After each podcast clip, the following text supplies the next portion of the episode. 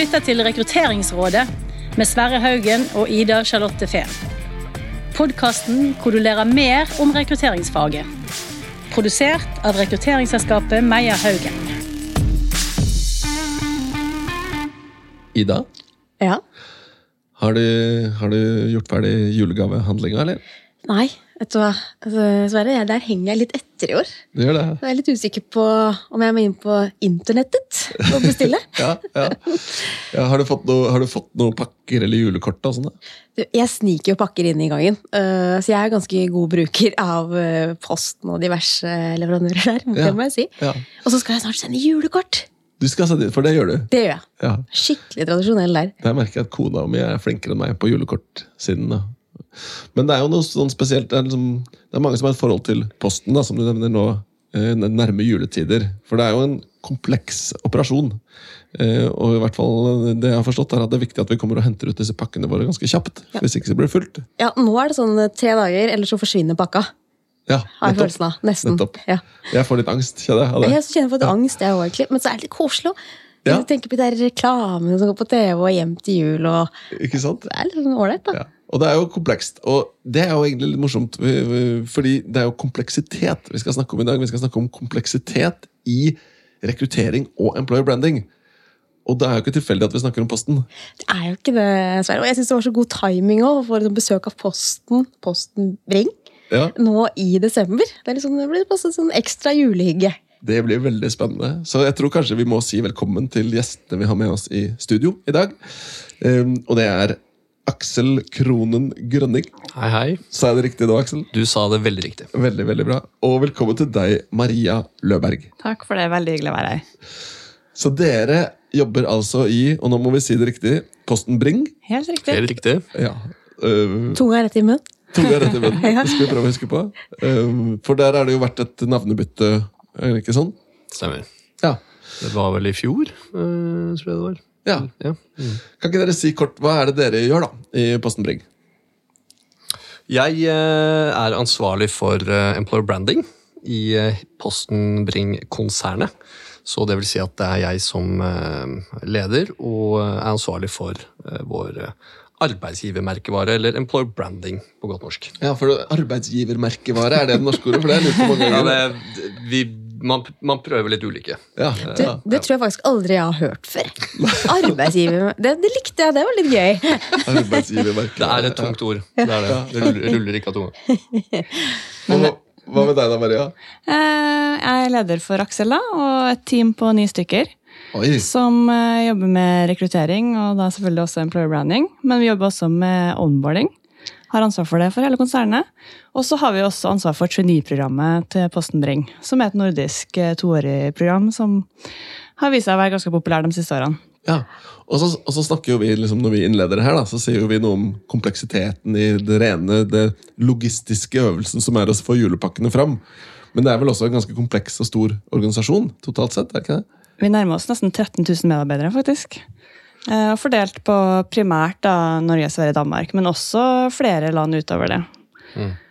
Det er jo en eh, stort og ganske gammelt selskap. Det er jo 377 år snart.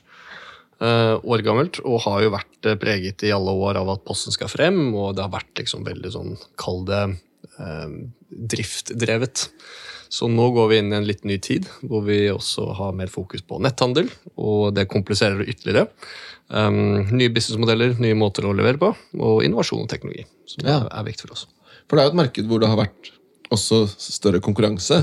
Altså, Vi Ja. har jobbet litt med ulike andre logistikkleverandører og last mile-tjenester. og Det er kjempespennende marked akkurat nå. Ja. fordi vi blir utføra ikke sant, av små, litt mer lettbente bedrifter. Eh, men også fordi at eh, vi er avhengig av å levere Eller vi har en helt annen kundeforventning. da. Definitivt. Som Kanskje også som følge av at vi blir utfordra av konkurrenter. Ja, ja. Så jeg tror både jeg og Aksel har fått en liten sånn aha-opplevelse på alt vi jobber med, som vi ikke visste at Postenbring jobba med òg. Både med tanke på bredden i produkter og tjenester, men også som Aksel er innom, eh, litt innafor innovasjon og nye business caser som vi utforsker. ja. Eh, 370 år, var det det du sa? 377 snart. Det, for det er jo, liksom, det er noe med det, du, Da har man litt legacy, da. Ja. Det har man absolutt. Bitte litt På, legacy. på alle kanter, kan er du si. en uh, tung legacy på, på, ja, på alle kanter. da. Ja. Uh, Alt fra kultur til uh, teknologi. Ja. egentlig. Mange av systemene for lever leveranse for eksempel, er jo, kommer jo fra 70-80-tallet. Ja. Og sitter igjen eh, nissen på lasset, som de sier i IT. Som?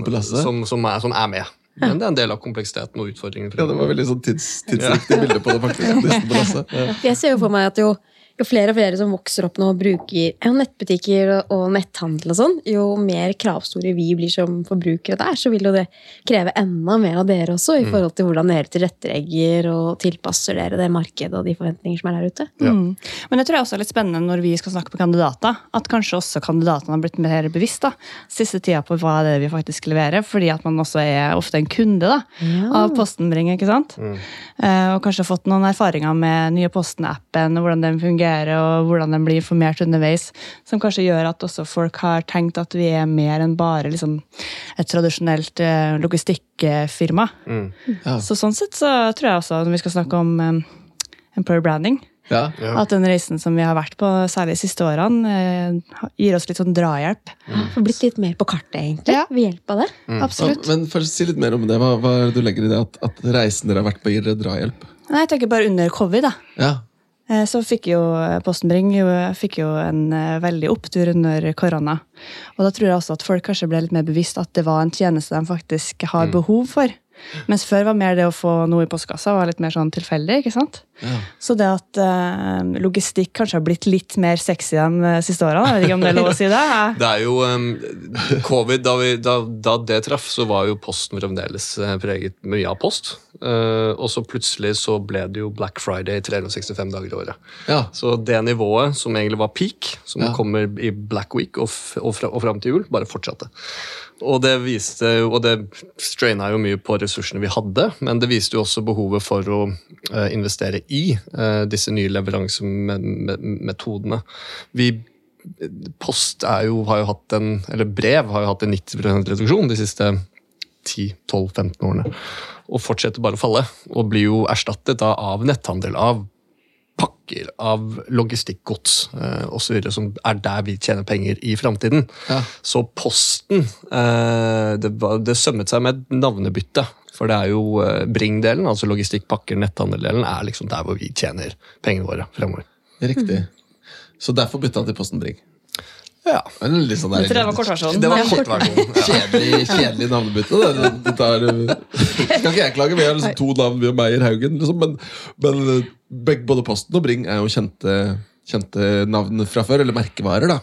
Absolutt. Og så er det, det sier også litt om den reisen vi er på, for alle har et forhold til Posten i Norge. ikke sant? Eh, Bring er litt mer ukjent, særlig i de markedene hvor vi skal vokse de neste årene. Ja. Hvor vi har stort fokus eh, spesielt på Sverige. Så det er klart at der er det andre merkevarer som vi ikke skal nevne her, men som er sterkere. Ja, ja. Så det å liksom posisjonere seg også med Bring-merkevaren utafor Norge er jo kjempespennende. Men Sverre, jeg blir skikkelig nysgjerrig Ja. nå, for når Ja. vi snakker om den kompleksiteten, og nå snakker vi om at ikke sant, kjente merkevarer slår seg sammen. Og så tenker jeg, vi spør etter mer og mer, vi krever mer og mer. Og da tenker jeg, da må jo Posten Bring også ha et mannskap som stiller seg klare for å ta disse utfordringene. Ja, og det er jo litt det som vi skal snakke om, som er liksom kompleksiteten i da, det som Hva medfører dette for rekruttering og employer branding? Hvor, hvis vi, hvis vi liksom løfter det paraplyspørsmålet først, da, når vi sier kompleksitet i employer branding og rekruttering, hva tenker du på da, Maria? Første du tenker på i din virkelighet? I min virkelighet så tenker jeg på at det som gjør det her veldig komplekst for oss, er at eh, dem vi rekrutterer absolutt flest av, de eh, jobber jo ikke på hovedkontorene våre, men eh, jobber ute i driften. Ja. Så det er jo der de store volumene er. ikke sant? Det er dem dere møter i døra eller ser på veien. Postmannen. Eh, Postmannen, for godt med gammelnorsk. Eller som står inne på en terminal. Ja. Og der er vi jo avhengig av å ha godt samarbeid eh, for vår del, altså med et sentralt team, med dem som jobber mer eh, forretningsnært eller lokalt, da, med HR og rekruttering der. Eh, samtidig som det vi og vårt team jobber mest med, er jo ledere og fagspesialister. Som også får en veldig sentral rolle, ikke sant? med Ja. de økte ambisjonene som vi har. Så mm, Så så det er en kompleksitet i en sånn distribusjonsledd av det hele. Absolutt. For posten skal fram. Og bredden i hva vi rekrutterer. ikke sant? Ja. Ja, og det er, jo, det er jo 70% drift. Altså terminalarbeidere, yrkessjåfører, budbilsjåfører, postbud osv. Um, men det er veldig mer økende i fagspesialister, IT, teknologi, innovasjon. Spesielt utviklerfronten, som alle andre. Um, og den uh, kjenner jo vi veldig på, uh, og Posten Bring kjenner veldig på, i, uh, i, i forhold til at det er, det er litt nytt. Ja, for det, det må jo medføre tenker jeg, da, en naturlig kompleksitet for deg. Og nå sier jeg deg siden du liksom har et ansvar for employer branding. For jeg vil jo tro at du, du må tenke annerledes når du skal attrahere en, en budbilsjåfør oppe i Tromsø eller Kirkenes versus en innovasjons- eller forretningsutvikler i Oslo-gryta. Ja. Og hva er det som forener de? Ja. Og det er eh, en, eh, har vært en litt sånn eh, interessant nøtt å bi seg ut på. Hva har dere gjort, da? Det vi første vi gjorde, egentlig, eh, etter at vi begynte å jobbe med det, var vi satte ned en arbeidsgruppe for å gjøre innsikt. egentlig. Så vi begynner med det. Innsikt i hva dere er og har? Ja, hva er vi? Eh, Hvor skal vi? Eh, Hva er vi gode på? Ja. Så vi delte det i tre. Første vi gjorde, var å snakke liksom med topplederne og lederne generelt for å få et innblikk i strategi og hvilken retning vi skal, og hvordan det ser ut når vi ser inn i krystallkula. Um, for å peke liksom dit skal vi. Andre vi gjorde, var å kvantitativt eh, sende ut undersøkelser hvor folk svarte på veldig enkle spørsmål. Um, ene spørsmålet var bare eh, hva er du interessert i i karrieren din? Og så måtte du velge mellom masse forskjellige alt alternativer. Men når du sier vi sendte ut, var det da til ansatte? Ansatte, ja. Internt. Alle i selskapet? Eh, vi, um, vi nådde så mange vi prøvde. Vi fikk vel rundt 5000 respondenter på det. Oi. Så Det er jo- Sendte dere, sendte dere et teit spørsmål? Sendte dere post, eller? det var SMS, og eh, det var faktisk ganske mye SMS-er. Eh, SMS-er og eh, e-poster og, Ja, og så videre. Vi vurderte faktisk post, men det, det ble for dumt. Så det, men vi, eh, etter at folka svarte på hva de var eh, interessert i, så fikk de også spørsmålet ok, eh, hvor gode er vi på det. Ja. akkurat det de valgte. Da. Og det ga oss veldig god innsikt på eh, hva, vi er gode, hva folka våre er interessert i, på tvers av alle målgrupper og alle på en måte enheter. Men også hvor dyktige de selv syns Postenbring er på det. Ja. Og det var veldig verdifull innhold. Var det noen store gap? Veldig store gap. Ja. Og eh, de store gapene, når de ble avdekket, så måtte vi jo sette oss ned med disse folka. Altså, da gjennomførte vi dybdeintervjuer. Og Det var kvalitative stengt. Ja, for vi måtte liksom skjønne disse gapene da, Ja. og bli litt, mer, eh, bli litt mer kloke på det. Men ja, store gap. Og det er jo å forvente. Folk som jobber som yrkessjåfører eller terminalarbeidere, er ikke interessert i de samme tingene som de som jobber med IT. Sånn er det bare. Det er veldig, det er veldig spennende da, i forhold til hvordan man tenker, syns jeg.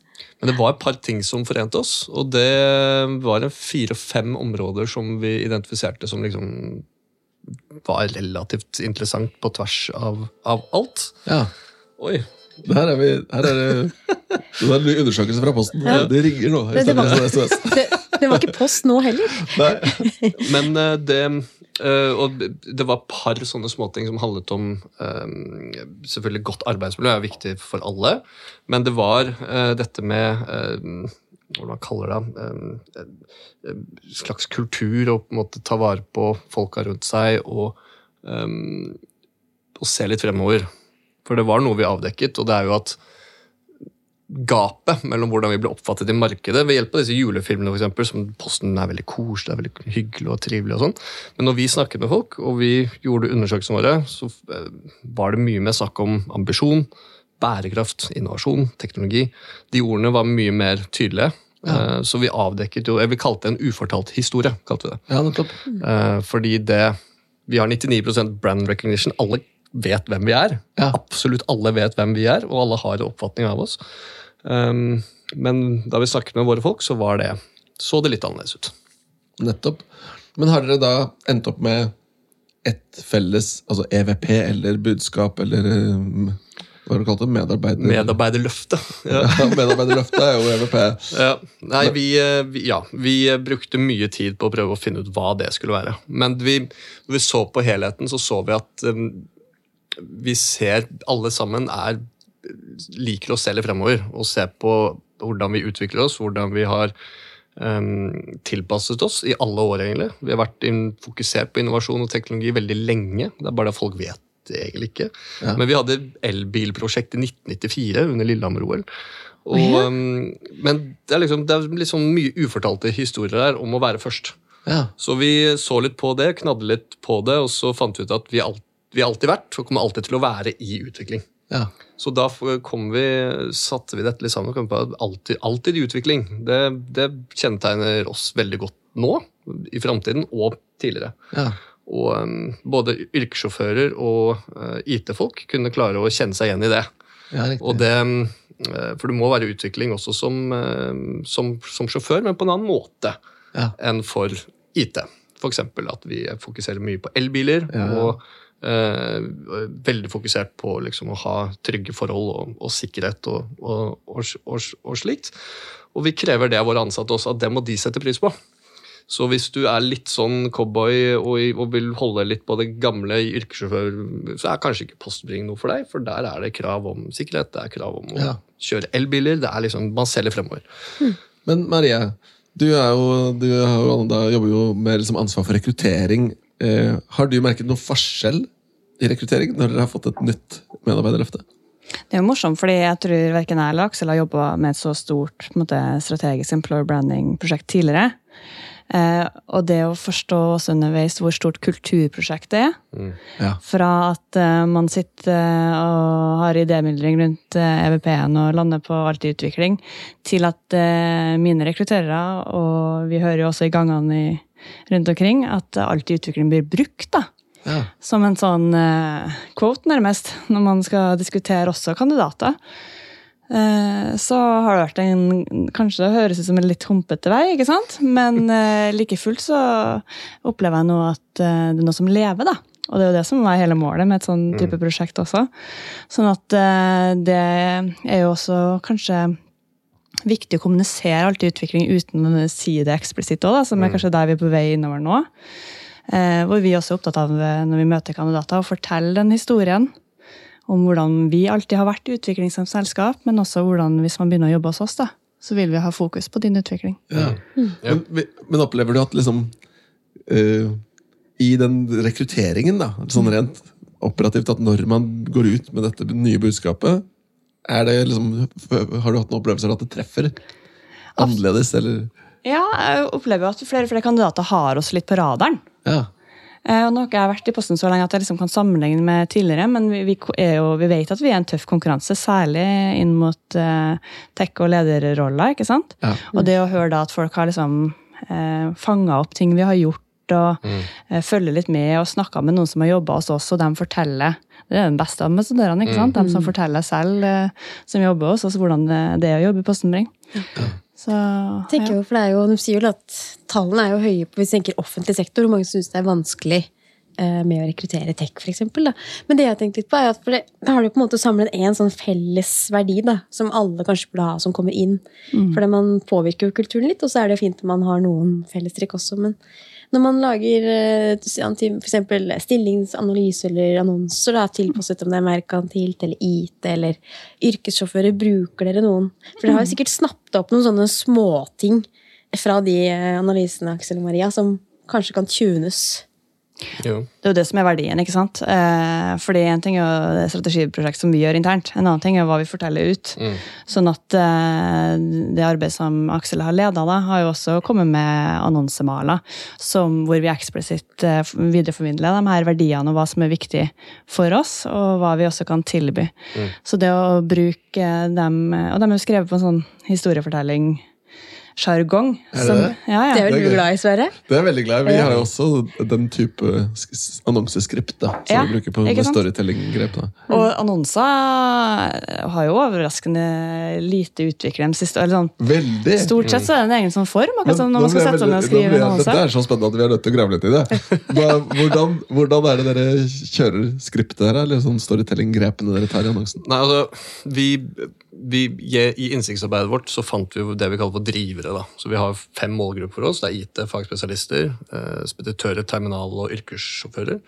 Og um, hver av de identifiserte liksom hva de syns var viktig, og, og hva, hvor gode vi er på det.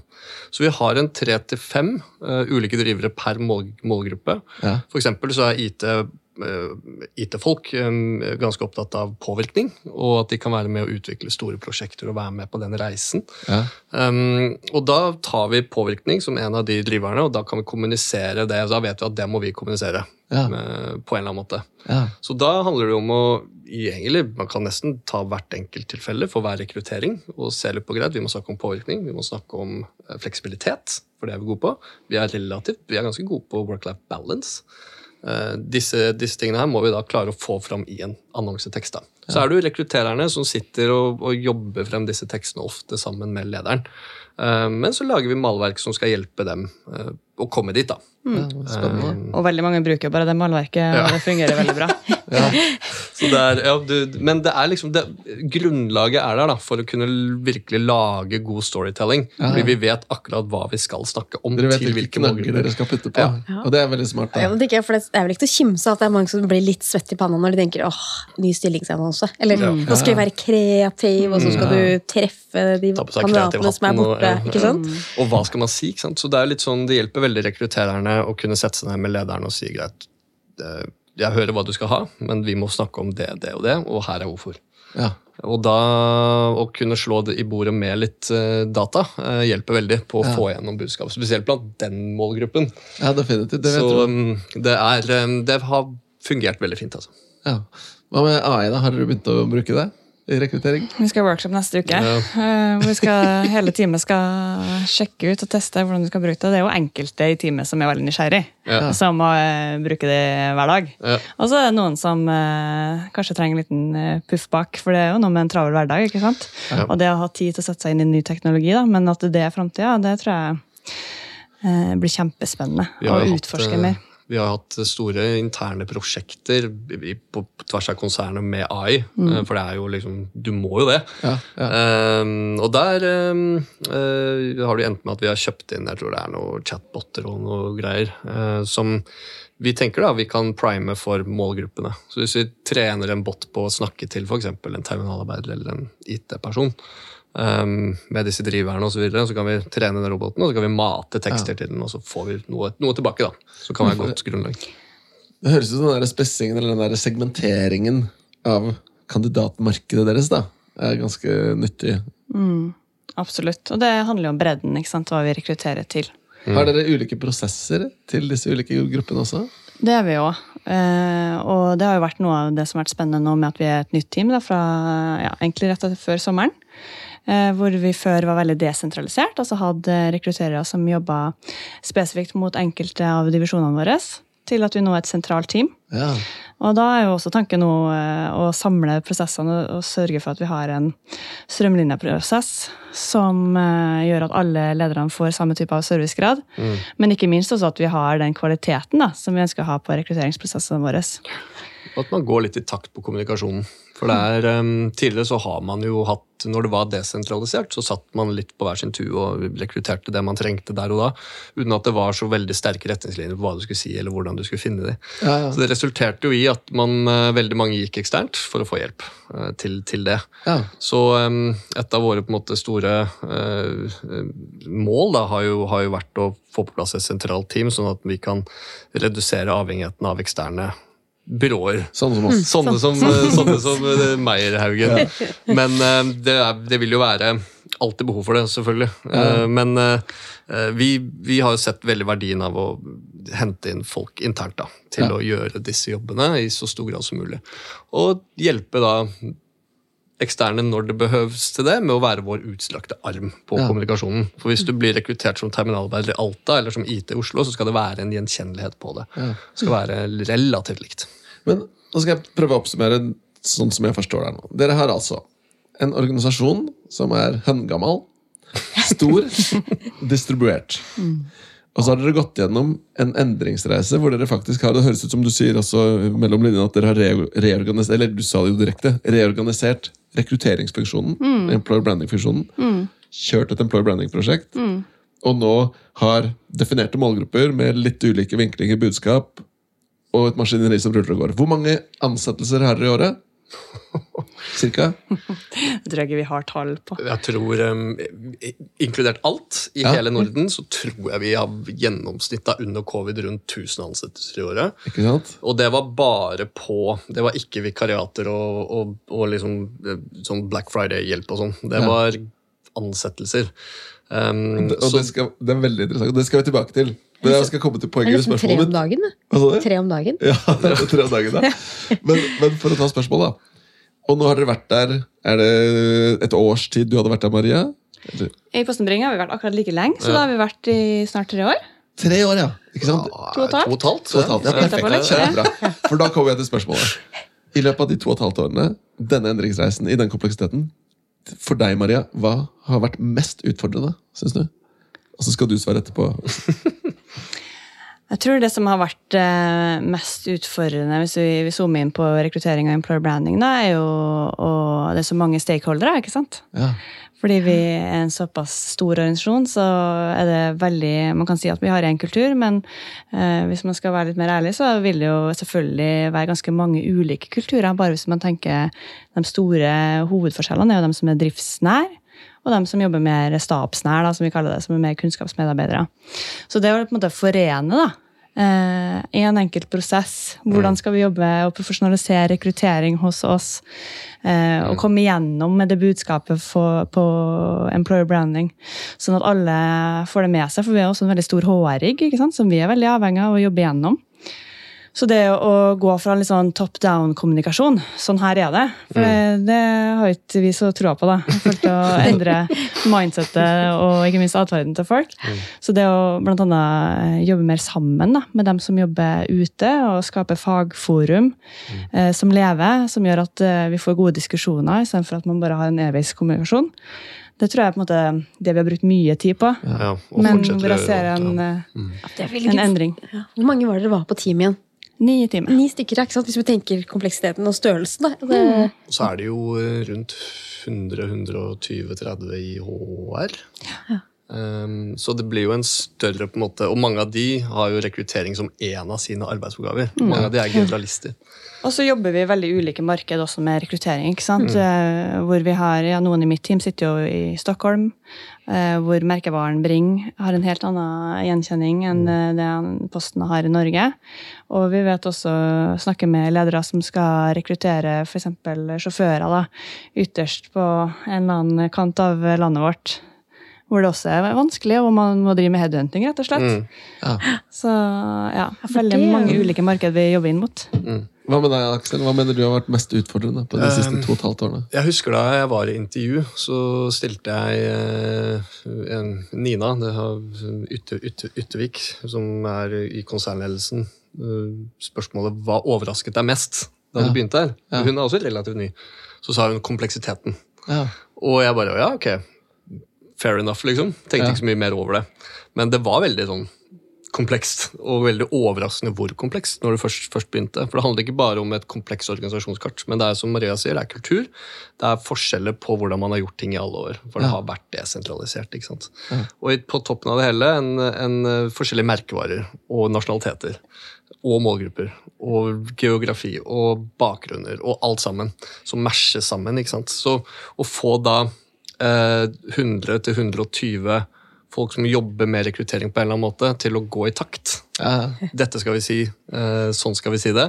Når de aldri har vært vant til å få eh, gjøre, gjøre, gjøre det, eller å på en måte måtte samarbeide med noen sentralt for å få det til, det har vært en, eh, en utfordrende og veldig interessant reise. Så vi jobber med det og prøver å ha disse fagforumene og dele informasjon og skape litt engasjement da, eh, internt. Um, mm. Da har jeg et avsluttende spørsmål. Jeg ser at Ida også brenner inne med noe greier her. Men, men først har jeg lyst til å spørre, og det er igjen til begge to, da, men du skal få lov til å begynne der hvor du slapp. Hvis du kunne gått tilbake i tid Ja. og gjort noe annerledes, hva ville du gjort annerledes? Jeg har tenkt mye på liksom Det var en som sa eh, en, en, i, en i teamet som spurte om det, og sa liksom hvis du kunne gå tilbake, hva ville du gjort annerledes? Og jeg tror jeg hadde brukt halvparten av tiden, iallfall. Ja, men, for, for, men fordi du hadde gjort ting annerledes, eller fordi du bare hadde gitt deg selv kortere Jeg tror jeg hadde eh, gitt meg selv litt mer tid i begynnelsen til å skjønne kompleksiteten. Ja. Og det ville ha spart meg tid in the long run. Sånn, ja. Hvis jeg hadde tatt meg mer tid til å sette meg inn i hvor komplekst det her egentlig var, og hva det krevde for å få buy-in fra alle disse stakeholderne, eh, så hadde jeg gjort en grundigere jobb helt i starten, og da kan du bevege deg veldig fort. For vi satt jo litt fast i eh, en periode med det, for vi klarte ikke å bli enige. Og da men så fant vi en sånn, eh, hadde vi en sånn aha-opplevelse på hvordan vi kan løse det. Det er så deilig med sånne aha-opplevelser. Ja, Det var veldig deilig. Og da begynte vi nesten på scratch, men da løste vi det på åtte uker. Så da hadde vi brukt liksom åtte-ni måneder på å komme dit, og så bare skjønte vi å, det er sånn vi skal gjøre det. Og da eh, gikk det veldig mye raskere. Så da det hjelper å på en måte kjenne til hvordan du manøvrerer deg, men det er ikke lett å vite når du har jobba der i et halvt år. Så vi, vi, ja. Hva med deg, Maria? Hvis du kunne spurt tiden tilbake, to og et halvt år, er det noe du ville gjort annerledes? Ja, nå har jeg jo hatt litt forskjellige roller de to og et halvt årene, men hvis jeg skulle spurt tida tilbake til starten av det her sentrale teamet, da, Ja. eh, som eh, jeg er leder for i dag, så tror jeg det handler mye om eh, Dere kjenner jo også til at rekruttering skal jo ofte skje litt fort, ikke sant? Ja. Og litt sånn her og nå. Eh, Og vi var jo veldig opptatt av å levere på det og vise oss frem som dyktige rekrutterere. Eh, og så er det kanskje noe med å forstå behovene, da til eh, både ledere, men også HR-businesspartnere som jobber ute. Og det å, ha en god dialog med dem og være tett nok på. Sånn at vi skjønner også litt det store bildet, fordi rekrutteringsprosessene løser vi jo.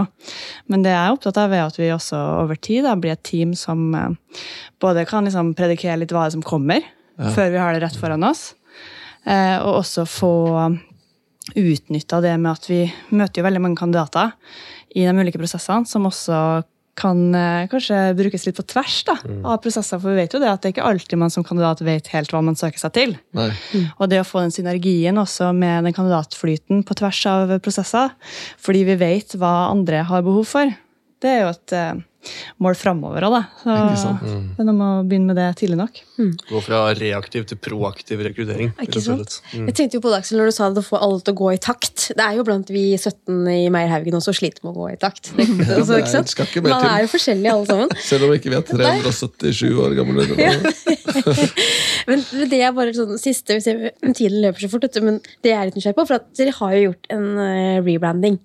Eh, Posten Bring istedenfor å være Posten og bare Bring. Dere, har dere satt en ny, ny standard? Har det gått ut i konsernet at nå har vi gjort noe nytt, nå skal alle gjøre det sånn? Eller hvordan har dere tatt grep for å liksom få med alle? Ja, det er interessant. er jo egentlig ikke en stor endring eh, for de interne. Um, Posten Bring er på en måte konsernnavnet, og så er jo merkevarene fremdeles Posten når du får post i postkassa. Og så er det Bring hvis det er B2B og det er i utlandet. Eh, eller internasjonal logis logistikk. Så det har ikke endret seg.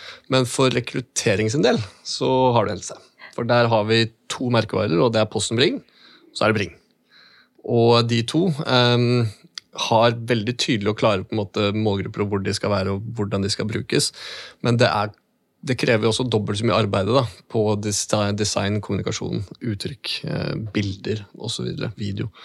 Eh, fordi de skal ikke blandes feil eller Men riktig. har, har begge to alltid utvikling, eller hva nå Ja, ja, det er Ja. konsernet. Så det ligger liksom bak begge de to. Ja.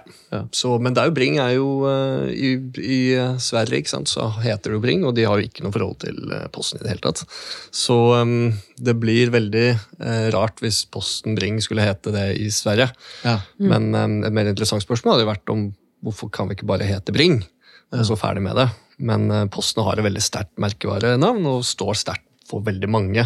Å legge ned det er ikke bare og bare, tror jeg. Den, det er en tyng og gammel merkevare. Så, så tenkte på det, Maria, når man går gjennom litt sånn endringer, da, da har det kanskje ikke hatt så mye å si, men det er ikke alltid kandidatene vet hvordan det påvirker når man bytter eller endrer på merkevaren sin. Har dere, hvordan har dere jobbet litt der i forhold til mot kandidatene og hva som skjer, og i forhold til den endringsreisen dere har vært på? Jeg opplever at eh, det er nesten en forventning til Posten Bring også om at vi er i endring. Eh, kanskje litt også fordi vi har blitt kåra flere år på rad som eh, et av Norges mest innovative bedrifter. Så, så sånn sett så tror jeg det trigger mange kandidater til å liksom sette seg i kandidatstolen hos oss.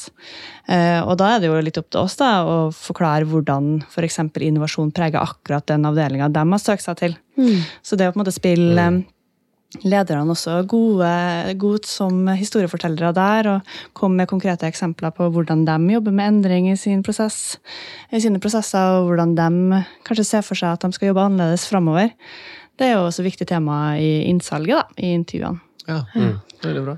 Det er kjempespennende.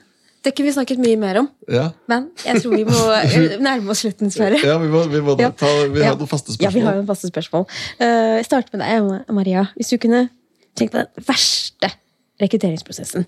Enten som du har vært kandidat i, eller som du har rekruttert noen. Har du et eh, eksempel?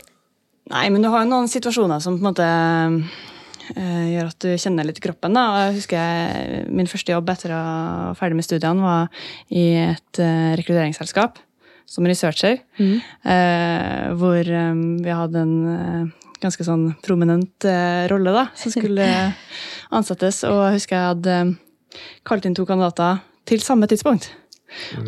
Og de skal jo helst ikke møtes, sant?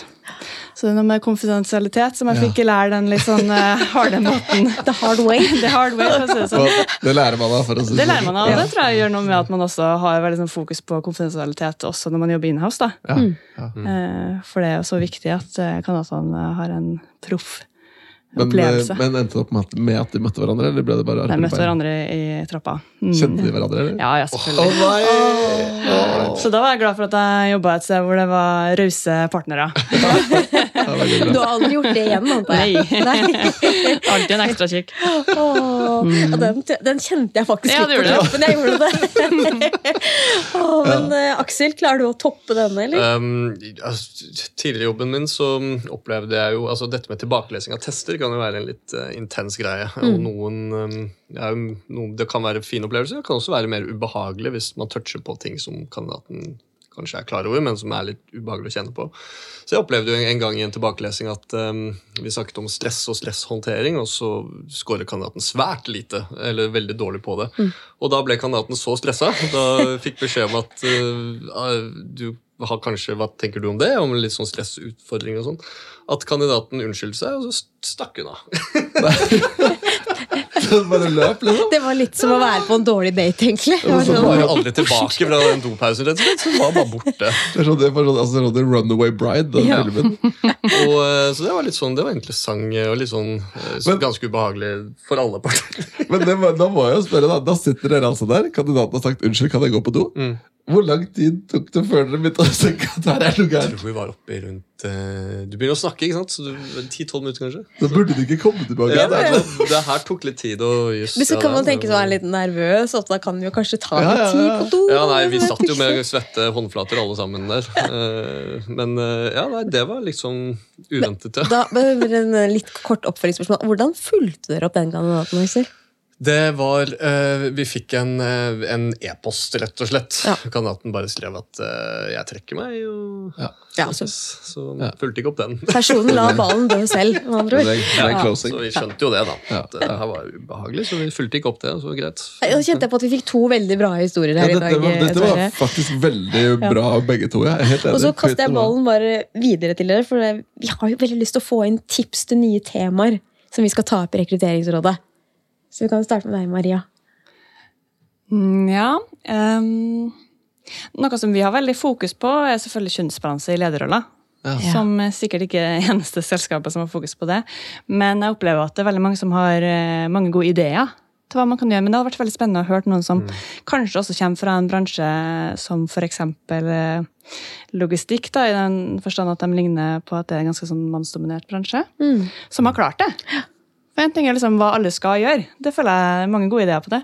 Men noen som virkelig har klart det, det ville vært kult å Altså, la få inn seg noen som har lykkes Ja. med mangfold. Altså, det er jo en, en shout-out til de der ute. da Hvis Mm. noen der ute som lytter til dette, kjenner på at ja, men vet om en organisasjon som har lykkes ordentlig med, med kjønnsbalanse i lederroller, Mm. så Da er vi klare for en prat, vi. da, er vi, da vil vi veldig gjerne ha tips. Aksel. Nei, eh, jeg prøvde å tenke på noe, men eh, det er jo en stor utfordring med dette kompleksiteten av kjønn og mangfold. Det er jo en, eh, en kompleks problemstilling. Så det hadde vært veldig spennende å høre mer om folk som har tanker om det, og, og, og, og suksesshistorier, og kanskje liksom læringspunkter på det. Det hadde vært kjempespennende. Ja, det. Så mangfold og rekruttering Ja. generelt sett. Altså. For det er også en veldig kompleks greie. Det er Mm, ikke mm, så, det er ikke, hva er det, ikke sant? Det, det er, det er, Og hva er er, hva er egentlig mangfold i dag? Det kan Ja, være det- veldig mye. Det For det er ikke nødvendigvis navn. og Det kan være og det, Nei, det, den der er Så da jeg jobbet med rekruttering i Accenture, jeg var rekrutteringsansvarlig der, så var det da My Diversity KPI, det var da kjønn. Kun kjønn. Ja. 34% kvinner. Så der reduserte man det ned til kun kjønn, da, for å forenkle. Jeg tenker jo at alder er like viktig eh, diskusjonstema i dag som navn eller kjønn. Ja, altså, Den er interessant. Den der, ja, men altså, det som egentlig er interessant, er jo forskjellen på liksom, hva er det du ser, og hva er det du ikke ser. Ikke sant? Du kan være kvinne, jeg kan være mann, og så kan jeg være mer kvinne på innsiden. Altså satt på spissen, da. Og, og, og hva er det vi egentlig rekrutterer etter? Er det mangfold i hudfarge og kjønn, eller er det i innsikt og forståelse og verdier og holdninger? Og... Det er interessant. Det kan man Hvis jeg skal snike inn lille ord, kan man jo kalle at da burde man jo fokusere på bærekraftig rekruttering. Ja, der fikk du det. Ja, denne gjorde det. En kampsak. Ja, en kampsak. Hun Ja. Driver og snakker om det hver podkast, Ja, og så snikinnfører begrepet. Bærekraftig rekruttering. Ja. Men det er et bra begrep. Veldig, veldig bra. Skal vi, skal vi gå inn for landing der? Vi må vel det. Ja. Posten skal frem til jul, skal vi ikke? Posten skal frem. Vi kan ikke holde disse folka her. Vi har tross alt tre personer å rekruttere hver dag fram til jul. Ja, både- Både jeg og Aksel skal ut på terminal. Jeg skal i morgen Ja. og Aksel på Ja. fredag og jobbe, for alle må ut og hjelpe Er det sant? Ja, for det var det jeg skulle si. Hvis ryktene Det er jo- stemmer, så må dere ut og kjenne på den Ja. julefølelsen av å være ute og ta et Alle fra CEO ned til Eller alle som jobber på posthuset. Å, det er veldig gøy. Det er så kult. Så det er hvor er det dere skal stå, så jeg kan komme og pu- pu- pu- putte pakkene mine I fjor så jobbet jeg på pakketerminal, hvor jeg da ene og alene eh, pakket alle pakker inn i trailere som skulle nord for Trondheim i åtte timer. Og det ble tre fulle trailere. Wow! Og det, det var eh, heftig og, og lærerikt. eh, og veldig slitsomt. Ja, ja. Du kommer ikke til å møte meg, for jeg skal stå på en terminal på Alnabru. Ja. På LSO der. Og Ok. pakke pakker. Men da skal vi tenke på dere, i hvert fall. Ja, vi skal vi gjøre. Så tusen takk til dere begge to. Eh, Ida, Ja. hvis, vi nå, hvis jeg spør deg nå Nå har vi hatt en veldig interessant prat, syns jeg. i hvert fall. Synes jeg også. Hva er din, din, din eller dine hovedtakeaways fra denne praten her? Oh, um, det jeg tenker er, er, litt sånn, er litt kult, er hvordan eh, Aksel og Maria og Posten Bring eh, jobber med det å identifisere hva de ulike målgruppene trigges av, og hvordan man skal tilpasse seg. Og, det med, og hvordan man skal jobbe mot rekrutterende ledere for at de skal vise ut og ta ut de verdiene i sine samtaler med kandidater. Ja. At de på en måte er gode bærere da, av det de skal dele. Det tror jeg. Jeg syns egentlig den refleksjonen på liksom, hva ville du gjort annerledes når vi spurte Aksel, og han sier liksom, jeg skulle ønske jeg hadde brukt litt mer tid på å forstå kompleksiteten for å gjøre den stakeholder managementen. Det syns jeg er veldig interessant. da. Fordi Hvis jeg ser tilbake, så tenker jeg tilbake, så er det nok mange ganger jeg også kunne spart mye tid på å gjøre det. da. Kan hende at du kjenner deg igjen litt, Sverre. Kan hende. Skal vi si god jul, da, kanskje? Ja, vi sier god jul. God jul! God jul.